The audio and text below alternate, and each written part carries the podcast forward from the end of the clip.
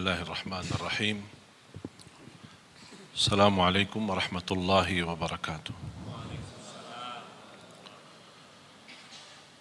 الحمد لله رب العالمين وأصلي وأسلم على أشرف الأنبياء والمرسلين سيدنا ونبينا محمد وعلى آله وصحبه ومن تبعهم بإحسان إلى يوم الدين سبحانك لا علم لنا إلا ما علمتنا إنك أنت العليم الحكيم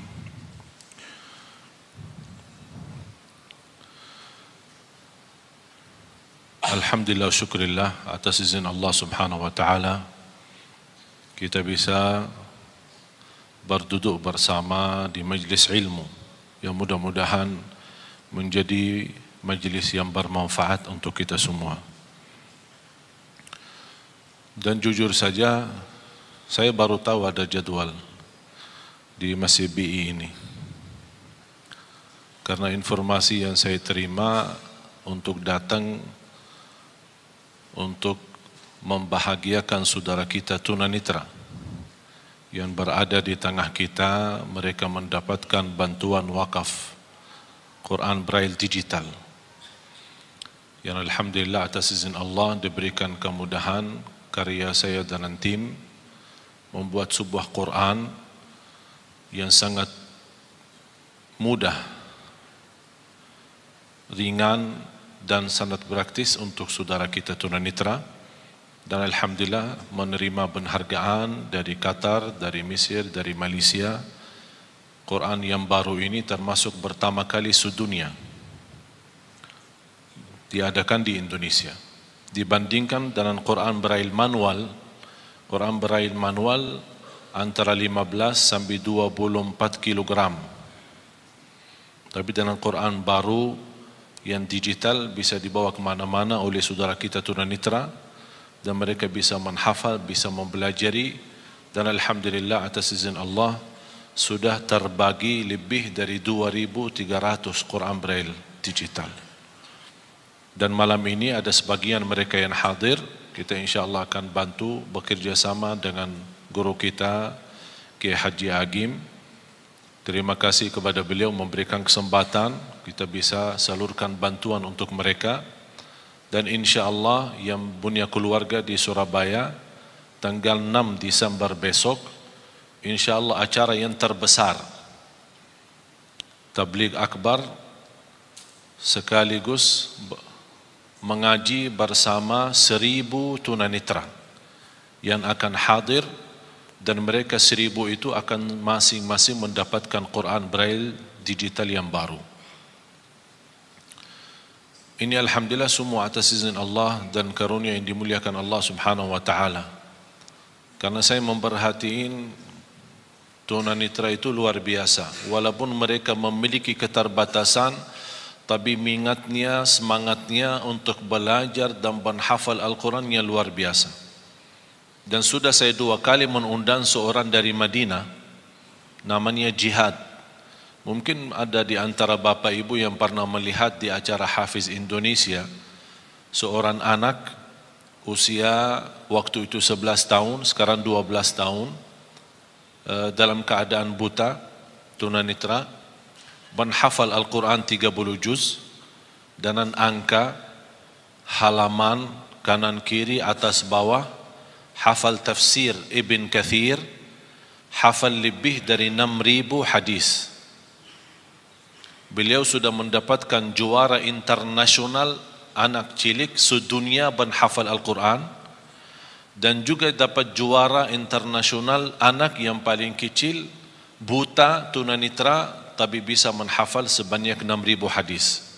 Jadi di lomba Al-Quran dia juara satu di lomba hadis dia juara satu. Namanya jihad. Yang berkeinginan melihat rekaman di YouTube tinggal tulis saja jihad al-maliki. Dan mudah-mudahan ada kesempatan bisa kita undang lagi ke acara yang lebih besar yang saya tunggu-tunggu dan menjadi cita-cita saya insyaallah kita adakan mudah-mudahan kalau masih kita punya umur menyambut bulan Ramadan sekaligus menhadirkan 10 ribu tunanitra untuk mendapatkan wakaf Al-Quran. insyaallah akan dihadiri salah satu imam besar Masjidil Haram bersama ananda kita Jihad Al-Maliki ini. Para jamaah sekalian, karena saya baru tahu ada benajian atau tugas saya berceramah dan berarti saya belum siapkan metode atau materi tapi saya baru ingat saya ingin menyampaikan membagi bersama Bapak Ibu ilmu bagaimana luar biasa keindahan dan keajaiban Al-Quran. Subhanallah bukan sampai hari ini bahkan sampai hari kiamat tidak akan habis keindahan Al-Quran. Tidak akan habis keajaiban Al-Quran. Tidak akan habis kemujizatan Al-Quran. Al-Quran diturunkan bukan hanya untuk dibaca tapi inti dari diturunnya Al-Quran adalah untuk ditadabburi dan dihayati. Salah satu ayat yang membuat saya berfikir bahkan sebab ayat tersebut membuat saya berhenti bertahan tidak melanjut kebiasaan rutin saya menghatam Al-Quran. Ini sudah masuk hari kelima. Masuk hari kelima saya belum mampu melanjut bacaan tilawah rutin saya untuk menghatam Al-Quran. Sebab dua ayat ini.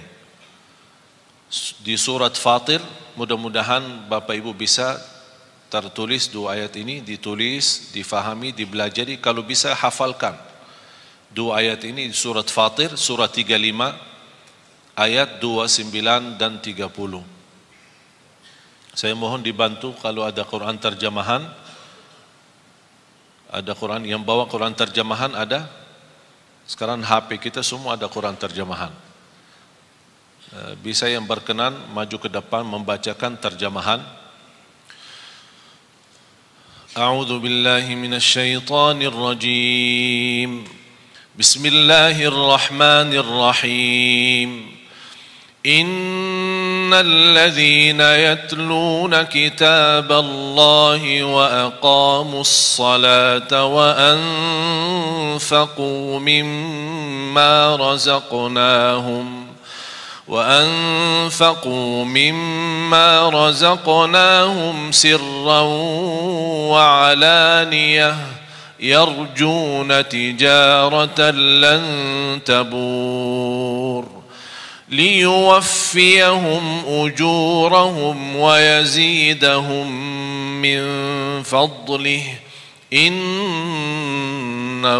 غفور شكور صدق الله العظيم Ada yang bawa terjemahan? Bisa dibantu terjemahannya. Saya minta karena walaupun saya sejak kecil menghafal Al-Quran tapi subhanallah kadang-kadang ketika membaca Jujur saja jamaah sekalian, belum tentu semua bacaan kita 100% bisa ikhlas. Belum tentu 100% bisa merasa keindahan. Pasti ada satu saat tersuntuh sebuah ayat. Di antara kita, pasti saya yakin berbeda-beda sukaannya ayat Al-Quran. Bukan berarti tidak suka ayat yang lain, suka. Tapi ada sebuah surah atau sebuah ayat lebih bapa ibu menyukai ayat ini daripada yang lain. Misal ada yang lebih tertarik kepada Yasin. Ada Ar-Rahman, ada Al-Kahfi, ada surah Maryam, ada surah Yusuf. Ada yang sukaannya suratul Fatihah. Ada yang sukaannya surat Qul huwallahu ahad.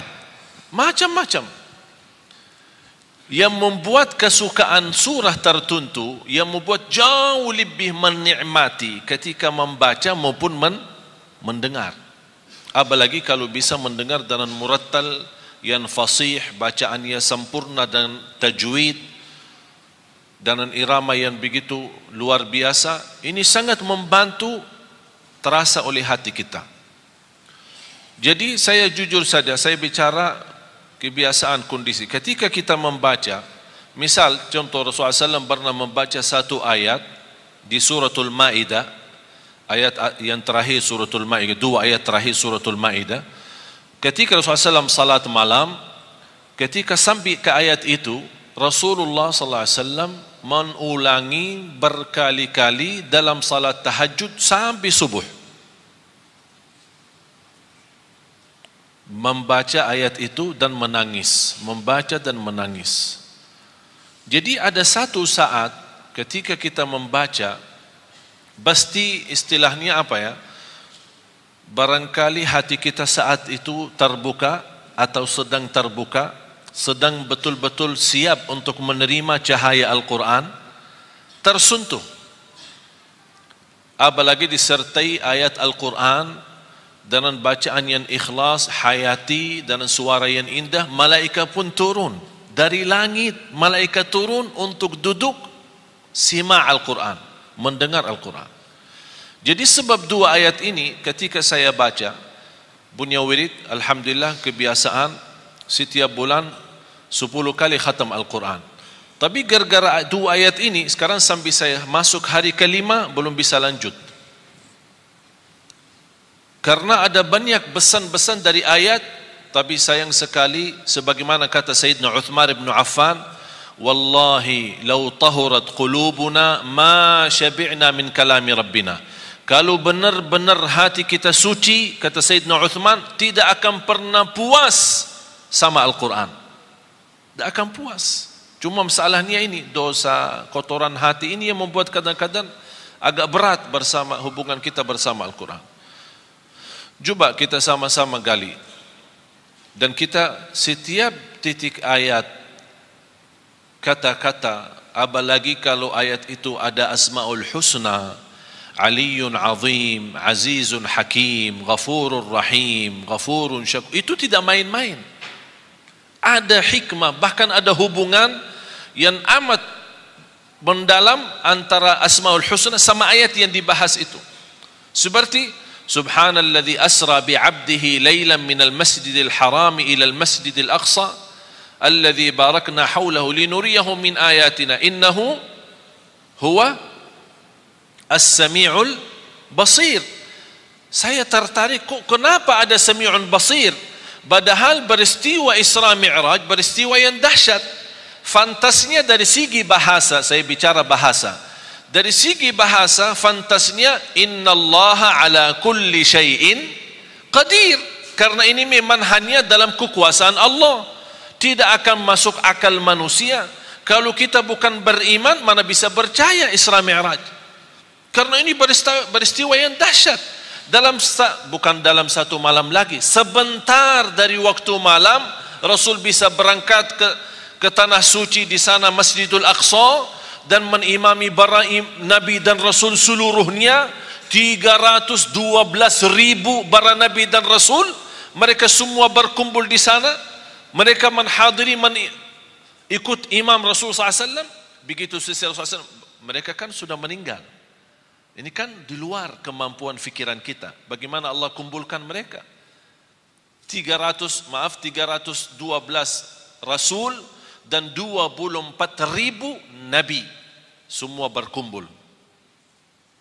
Untuk bertemu dengan Rasulullah SAW berbaiat sama Rasul dan mereka menyaksikan Rasulullah SAW adalah Nabi yang terakhir dan Nabi yang mulia. Baru Rasulullah SAW selesai salat naik ke langit. Tumbus sampai tujuh lapisan langit. Terima perintah salat kemudian turun di berbagai macam riwayah disebutkan di antara salah satu riwayah tempat tidur Rasulullah masih hangat kalau kita bangun tidur kan masih hangat kan? Sambil mandi gimana tempat tidur? Sudah dingin kan? Begitu Rasulullah SAW bisa ke Masjidul Aqsa, bisa ke langit yang ketujuh, bertemu Allah dan turun lagi, tapi tempat tidurnya masih hangat. Berarti, berarti ini apa? Ini kekuasaan yang dahsyat. Hanya yang dimiliki hanya Allah Subhanahu Taala. Jadi kata innahu ala kulli syai'in qadir, hanya Allah yang maha kuasa atas segala sesuatu. Tapi kenapa innahu di ayat ini innahu huwas samiul basir? Ada hikmah. Seperti juga ayat yang kita akan belajari innahu ghafurun syakur. Tidak ada main-main dalam ucapan ayat Al-Quran apalagi yang terkait dengan Asmaul Husna. Cuba silahkan. Sesungguhnya orang-orang yang selalu membaca kitab Allah Al-Quran dan melaksanakan solat Ah, selalu orang-orang yang selalu ini sifat mereka. Saya cuma ingin hubungkan antara sifat mereka apa hubungannya dengan Asmaul Husna di ayat terakhir innahu ghafurun syakur. Di antara sifat mereka selalu membaca Al-Quran. Kalau yang selalu membaca Al-Quran bukan dinamakan qari, bukan dinamakan orang suka baca, tapi yang dinamakan orang selalu baca Al-Quran itu tilawatul Quran. Tilawatul Quran berarti itu orang yang betul selalu membaca Al-Quran. Nanti di hari kiamat orang yang suka selalu baca Al-Quran dipanggil hari kiamat Iqra warqa warattil kama kunta turattilu fid dunya bacalah, naiklah karena setiap kita baca akan naik posisi kita di dalam surga. Bahkan kata Rasulullah kata Rasulullah di dalam hadis itu disebutkan warattil tertillah sebagaimana kamu tertil di dunia tilawah. Innal ladzina yatluna kitab Allah. Sampai di dalam bahasa ayat itu yatluna mereka yang selalu membaca kitabullah. Ini sifat pertama. Terus dan melaksanakan solat dan menginfakkan sebagian rezeki. Selalu yang... kalau ada bahasan salat tidak ada kerjakan salat. Tapi selalu ada mendirikan salat. Iqamus salat wa aqimus salat. Iqamatus kata iqama aqimu ini semua bahasa memendirikan salat. Saya tidak akan teliti satu-satu karena mohon maaf kalau saya mau bahas dua ayat ini mungkin sampai malam tidak cukup. Karena dua ayat ini membuat saya berhenti bahkan saya suka membaca dua ayat ini habis Allah bukakan hidayah berkali-kali sunnah qabliyah ba'diyah saya selalu ulang dua ayat ini walaupun sudah hafal tapi namanya kadang-kadang terbuka hati kepada sebuah ayat atau sebuah pesan dari Allah yang ingin disampaikan jadi sifat mereka adalah yang mengerjakan tilawah selalu baca Al-Quran. Yang kedua mendirikan salat. Ini bahasa salat itu perlu panjang lebar kita bahas, mendalami. Yang ketiga dan menginfakkan sebagian rezeki yang kami anugerahkan kepadanya. Subhanallah. Selalu kalau kita perhatiin wa anfaqu mimma. Di suratul Baqarah alladzina yu'minuna bil ghaibi wa yuqimuna as-salata terus wa mimma. Dalam bahasa bacaannya pun namanya huruf kecil atau huruf tarqiq tidak boleh dibaca wa mimma. Wa mimma menurut saya cara Allah menyampaikan kepada kita memanjahi kita. Allah memanjahi kita. Tawaran yang memanjahi kita. Bagaimana Allah memanjahi kita? Wa mimma anugerah yang Allah berikan rezeki yang begitu banyak Allah tidak minta semuanya tapi wa mimma sedikit. Wa mimma razaqnahum yunfiqun tapi apa yang diinginkan oleh mereka ketika mereka berkenan menginfakkan sebagian harta yang Allah anugerahkan kepada mereka secara diam-diam maupun terang-terangan mereka ingin terus? Mereka ingin mereka itu mengharapkan perdagangan yang tidak akan rugi. Ada yang punya jaminan bisnis apapun di dunia ini tidak akan rugi? Ada yang bisa punya jaminan? Allah tawarkan sebuah usaha tidak akan merugi. Itu namanya bisnis sama Allah.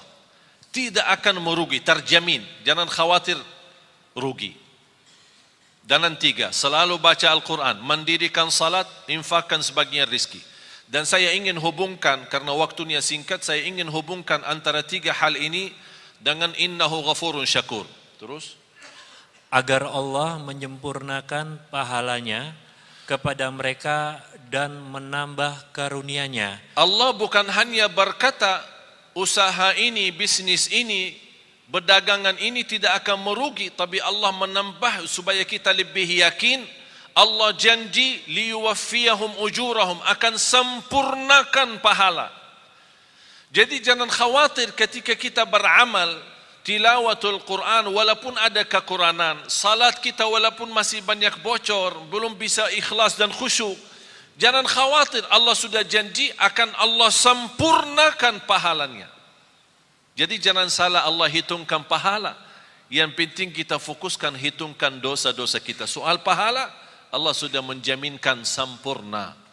Hanya cukup itu saja, Allah masih menjanjikan hal lagi supaya kita lebih mantap keyakinan kita terhadap janji Allah. Karena manusia sekarang lebih yakin kepada janji manusia daripada janji Allah. Terus apa yang Allah janjikan? kepada mereka dan menambah karunia-Nya. Sungguh Allah Maha Pengampun, Maha Mensyukuri. Dan menambah karunia-Nya. Di sini apa karunia? Allah sebutkan? Allah tidak sebutkan. Ada sebuah istilah dalam bahasa tafsir, kata ulama, kalau Allah menjanjikan sesuatu, tapi Allah sembunyikan, tidak sebutkan, seperti kata ini, Allah menjanjikan sempurna pahala dan menambah karunia. Di sini karunia tidak disebutkan. Karunia apa? Kata ulama, itu namanya akan Allah memberikan kekaruniaan yang tidak ada batas. Yang jelas, karunia tersebut akan pasti menenangkan hati. Sebagaimana janji Allah di surat As-Sajdah. Saya sambungkan ayat ini dalam surat As-Sajdah ayat 16.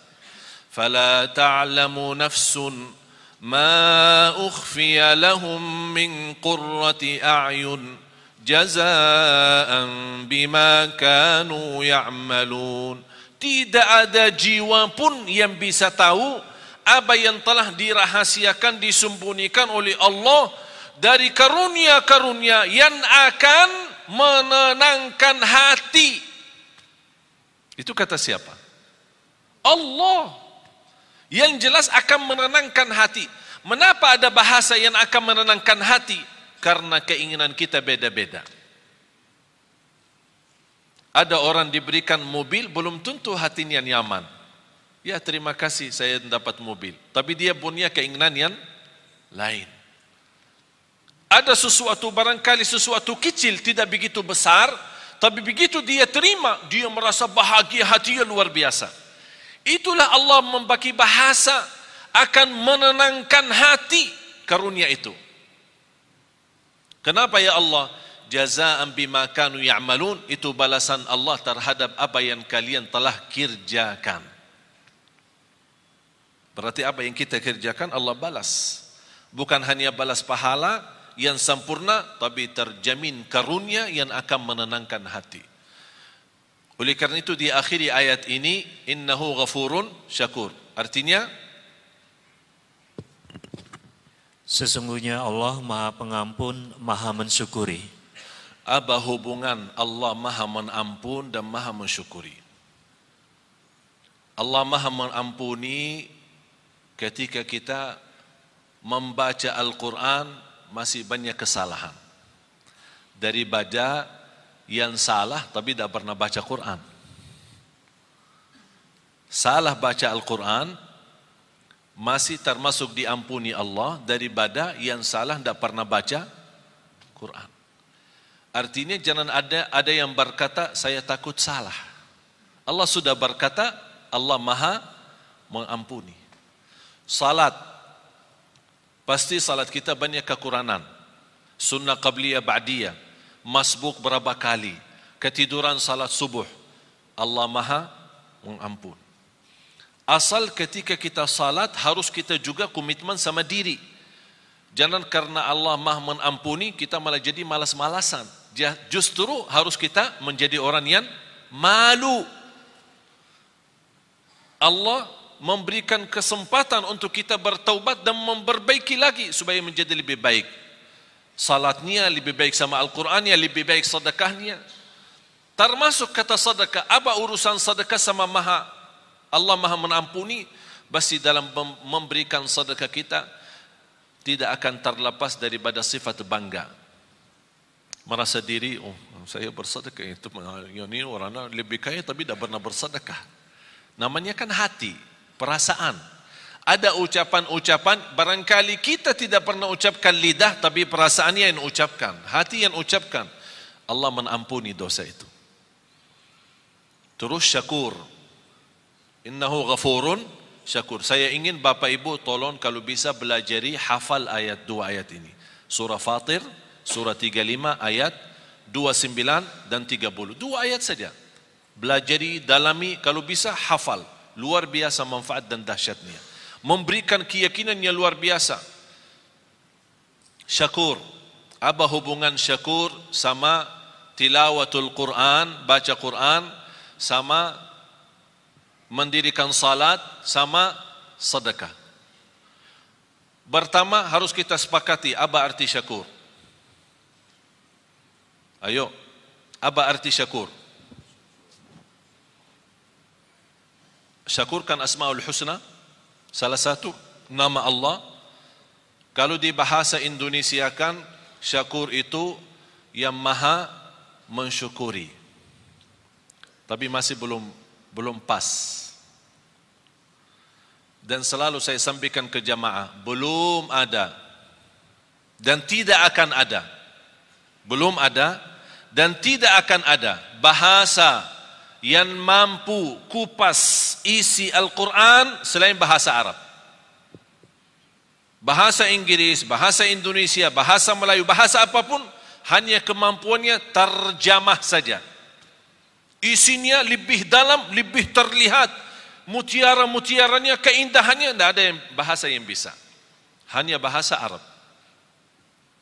Ketika saya membaca innahu ghafurun syakur, saya faham apa maksudnya syakur di sini dibandingkan dengan amalan yang Allah sebutkan sebelumnya. Syakur dalam bahasa Arab tolong hafal. Huwa alladhi yu'ti al-ajra al-kathir bil amalil qalil. Yang artinya asyakur yang menjaminkan pahala yang banyak dengan amalan yang sedikit. Itu namanya syakur. Yang memberikan pahala yang banyak dengan amalan sedikit. Mau tahu buktinya? Salat kita berapa waktu? Salat kita berapa waktu? Lima. Allah berikan pahala berapa? Tahu enggak pahala salat? Lima puluh. Waktu Isra Mi'raj Allah menetapkan lima waktu. Apa kata Allah kepada Nabi Muhammad kepada umatmu saya perintah lima waktu dikerjakan tapi pahalanya lima puluh. Hadis Rasulullah SAW barang siapa yang menjaga sunnah qabliyah ba'diyah dua belas rakaat di, di sahih muslim dua belas rakaat sehari dan semalam yang namanya sunnah qabliyah ba'diyah dapat rumah di dalam surga. Barang siapa yang mengikuti salat subuh ini hadis sahih Barang siapa yang ikuti salat subuh berjamaah dapat pahala seperti orang salat malam sepanjang malam. Padahal sepanjang malam tidur. Mana kita mampu salat malam sepanjang malam. Hanya dalam subuh jamaah, berjamaah subuh, pahala sepanjang malam kita dapat. Lebih dahsyat lagi, sunnah qabliyah subuh. Lebih baik, lebih besar pahalanya daripada dunia dan segala isinya. Itulah syakur amalan sedikit tapi pahalanya besar. Kalau Allah tidak syakur memberikan pahala yang banyak dan amalan sedikit, kita tidak bisa kejar umur kita dibanding umat yang terdahulu. Satu malam Lailatul Qadar Bapak Ibu, pahalanya 83 tahun, padahal umur kita belum tentu 83. Itulah syakur. Allah memberikan dengan amalan yang sedikit tapi pahala yang banyak. Saya tanya anda sekalian, ketika ada orang membantu kita, memberikan tolongan apapun dari segi bantu pinjaman atau bantu kendaraan, kita ada perlu ada acara kita pinjam mobilnya sebentar. Tapi di saat kita minta tolong orang itu dan dia berkenan membantu, kita benar-benar di saat yang sangat membutuhkan bantuan tersebut. Kira-kira bagaimana perasaan berterima kasih kepadanya? Tinggi kan? Setiap kita doa pasti ingat dia. Setiap ketemu terima kasih. Tak ada habisnya. Bertahun-tahun masih ingat, tidak akan lupa. Begitu juga Allah sifat syakur. Apapun amal salih yang kita kerjakan, jangan khawatir Allah tidak akan lupa kebaikan kita. Tapi yang semestinya kita malu. Sebagaimana Allah tidak lupa kebaikan kita, Allah juga tidak lupa dosa-dosa kita. Tapi subhanallah, tanda Allah syakur, ketika kita berdosa, Allah berintahkan malaikat jangan dituliskan dulu. Disebutkan berbagai macam riwayat, diberikan kesempatan tiga hari supaya taubat. Kalau dia taubat sadar malu, diampuni dosa. Tidak perlu ditulis. Dan begitu luar biasa syakurnya Allah kepada manusia dan amalan yang sedikit diberikan pahala yang banyak. Dan sedekah Allah Subhanahu wa taala ini saya kaitkan antara hubungan Quran sedekah sama syakur. Yang kita beri kepada Allah berapa? Dan yang Allah berikan kepada kita berapa? Rizki yang kita miliki Bapak Ibu, kalau kita mau hitungkan harus kena denda dan bayar, mana orang sanggup? Setiap mau udara yang segar harus bayar. Setiap mau buka mata harus bayar. Mau tutup lagi harus bayar. Mau bergerak satu langkah harus bayar. Sanggup gak hidup? Tidak bisa. Tapi Allah memberikan banyak. Dan Allah tidak minta yang banyak. Zakat pun yang namanya zakat harta, dua setengah persen. Dua setengah persen. Mengapa dua setengah persen? Harta Allah berikan banyak. Tapi Allah tidak minta yang banyak. Supaya sisanya buat nikmati. Silahkan nikmati.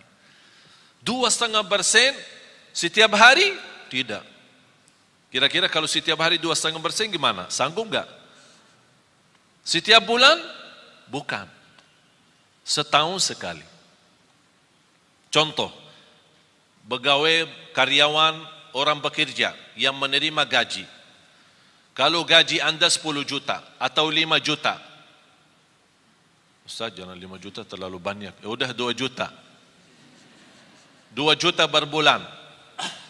Dalam satu, satu tahun berapa?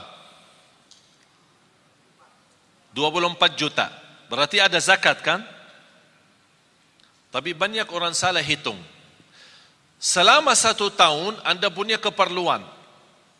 Kontrak, ada kos-kosan, pulsa, makan di jalan, bayar ini, bayar itu, ada cicilan, tagihan handphone, cicilan, bajunya cicilan, semuanya cicilan. Jadi bayarkan tagihan sana sini.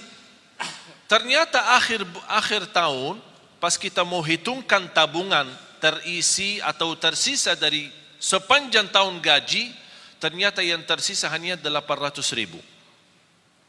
Berarti anda tidak ada zakat. Anda tidak ada zakat.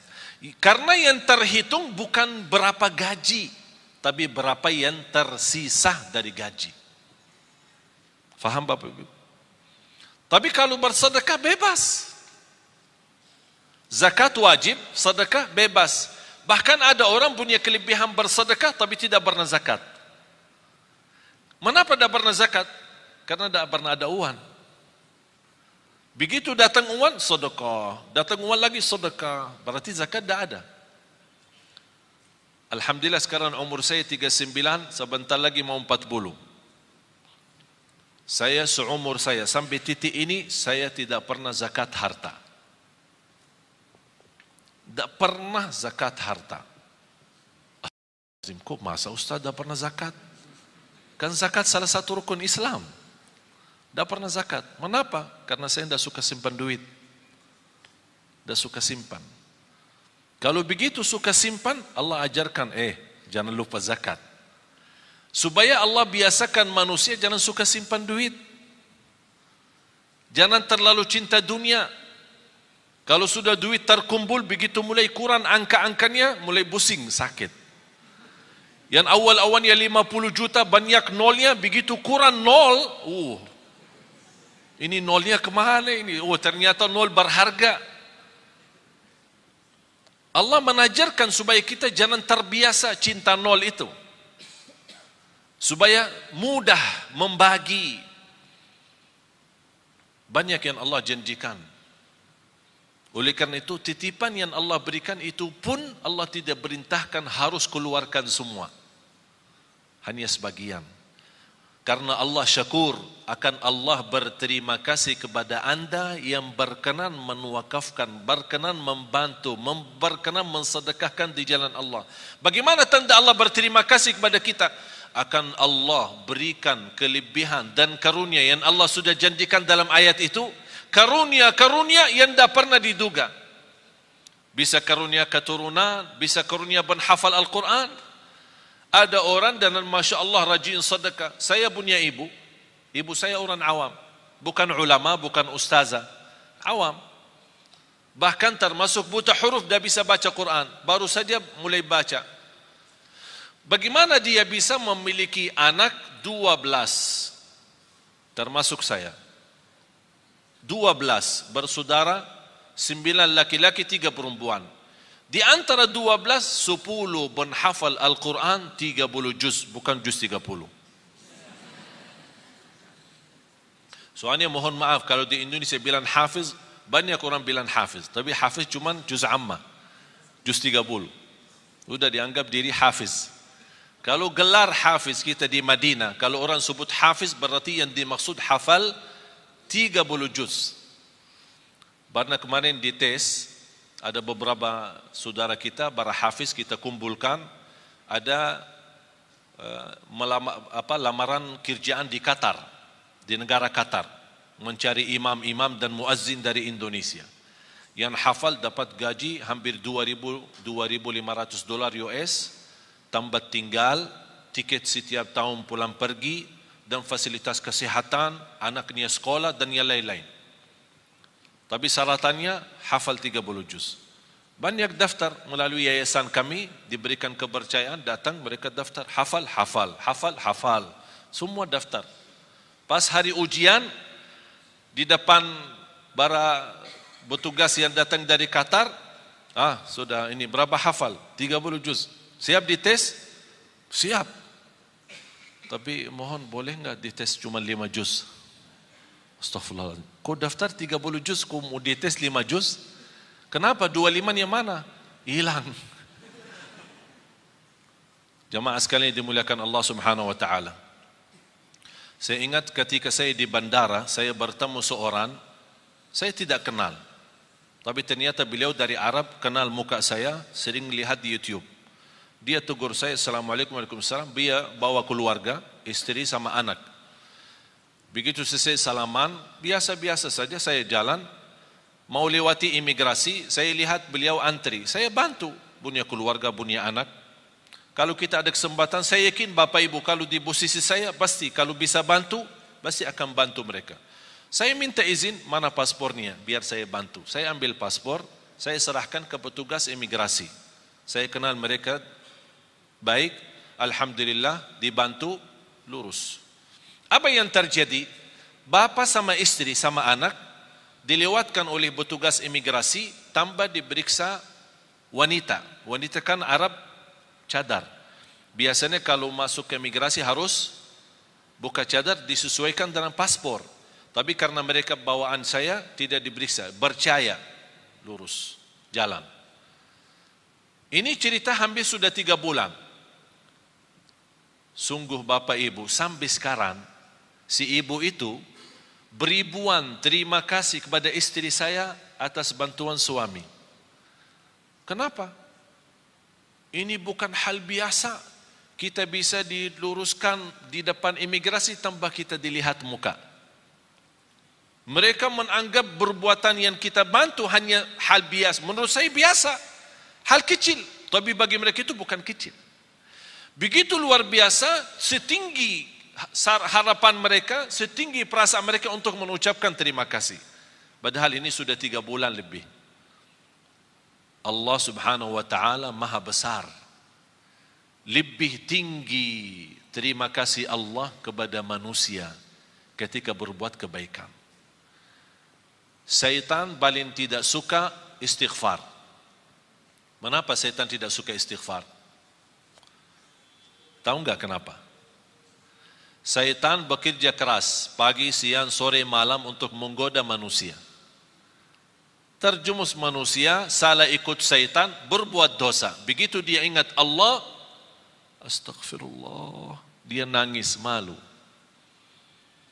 Sebab kata istighfar, Allah ampuni dosanya. Apa kata syaitan? Capek deh. Dari pagi sampai malam, aku godain begitu berhasil sebentar saja diampuni. Astaghfirullah. Allah cinta istighfar. Apalagi istighfar yang mendalam hati? Betul paling dalam. Ucapan ini sederhana tapi luar biasa. Ingat Bapak Ibu bagi Allah sebagaimana di ayat ini innahu ghafurun syakur bagi Allah soal ampunan dosa sangat mudah.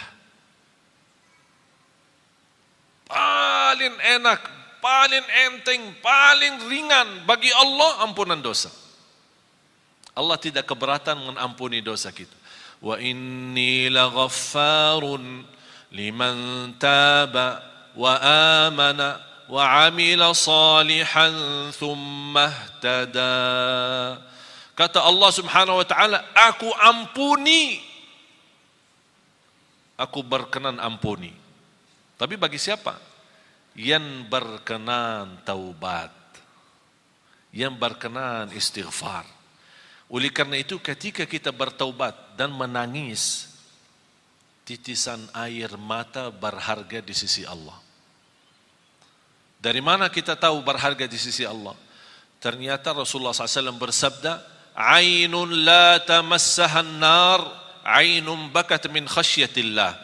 Bisa titisan air mata karena Allah malu sama Allah malu karena dosa maksiat sebab titisan air mata Allah jamin kita tidak boleh tersuntuh oleh neraka jahanam berarti jamaah sekalian air mata itu tidak main apalagi air mata yang menangis karena Allah Subhanahu wa taala. Oleh karena itu kita selalu beristighfar.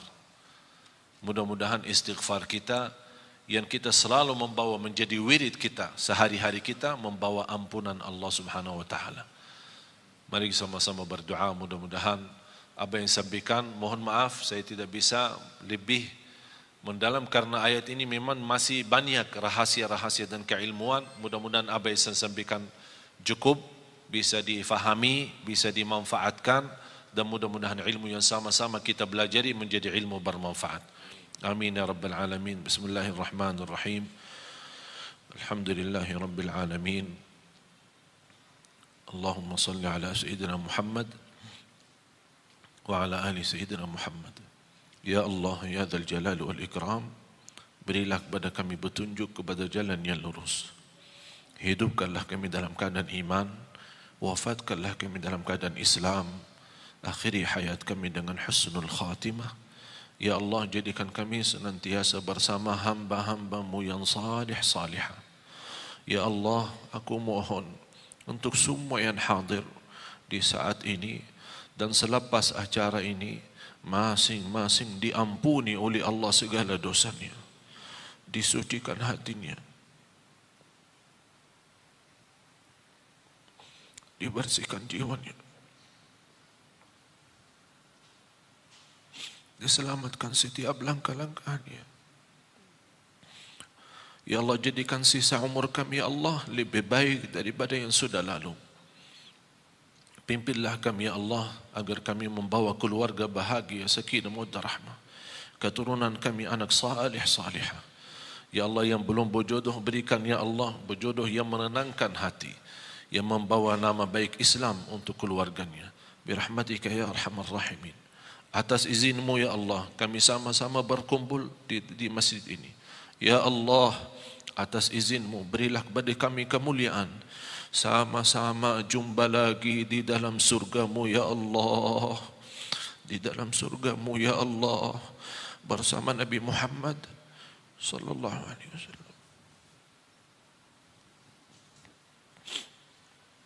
برحمتك يا أرحم الراحمين. اللهم اغفر لنا. يا الله جدكن كم يسمى أهل القرآن. أهل القرآن. من حفل القرآن. بر أخلاق أخلاق القرآن. ينبر جوا جوا القرآن. ينبر جوان انطق القرآن. Agar kami mampu menjadikan Al-Quran membumi di Indonesia, Ya Rabbal Alamin.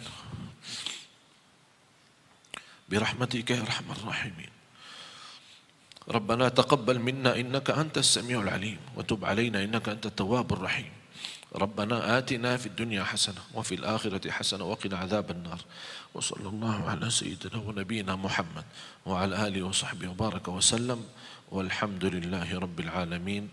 آخر الكلام سبحانك اللهم وبحمدك أشهد أن لا إله إلا أنت أستغفرك وأتوب إليك. والسلام عليكم ورحمة الله وبركاته.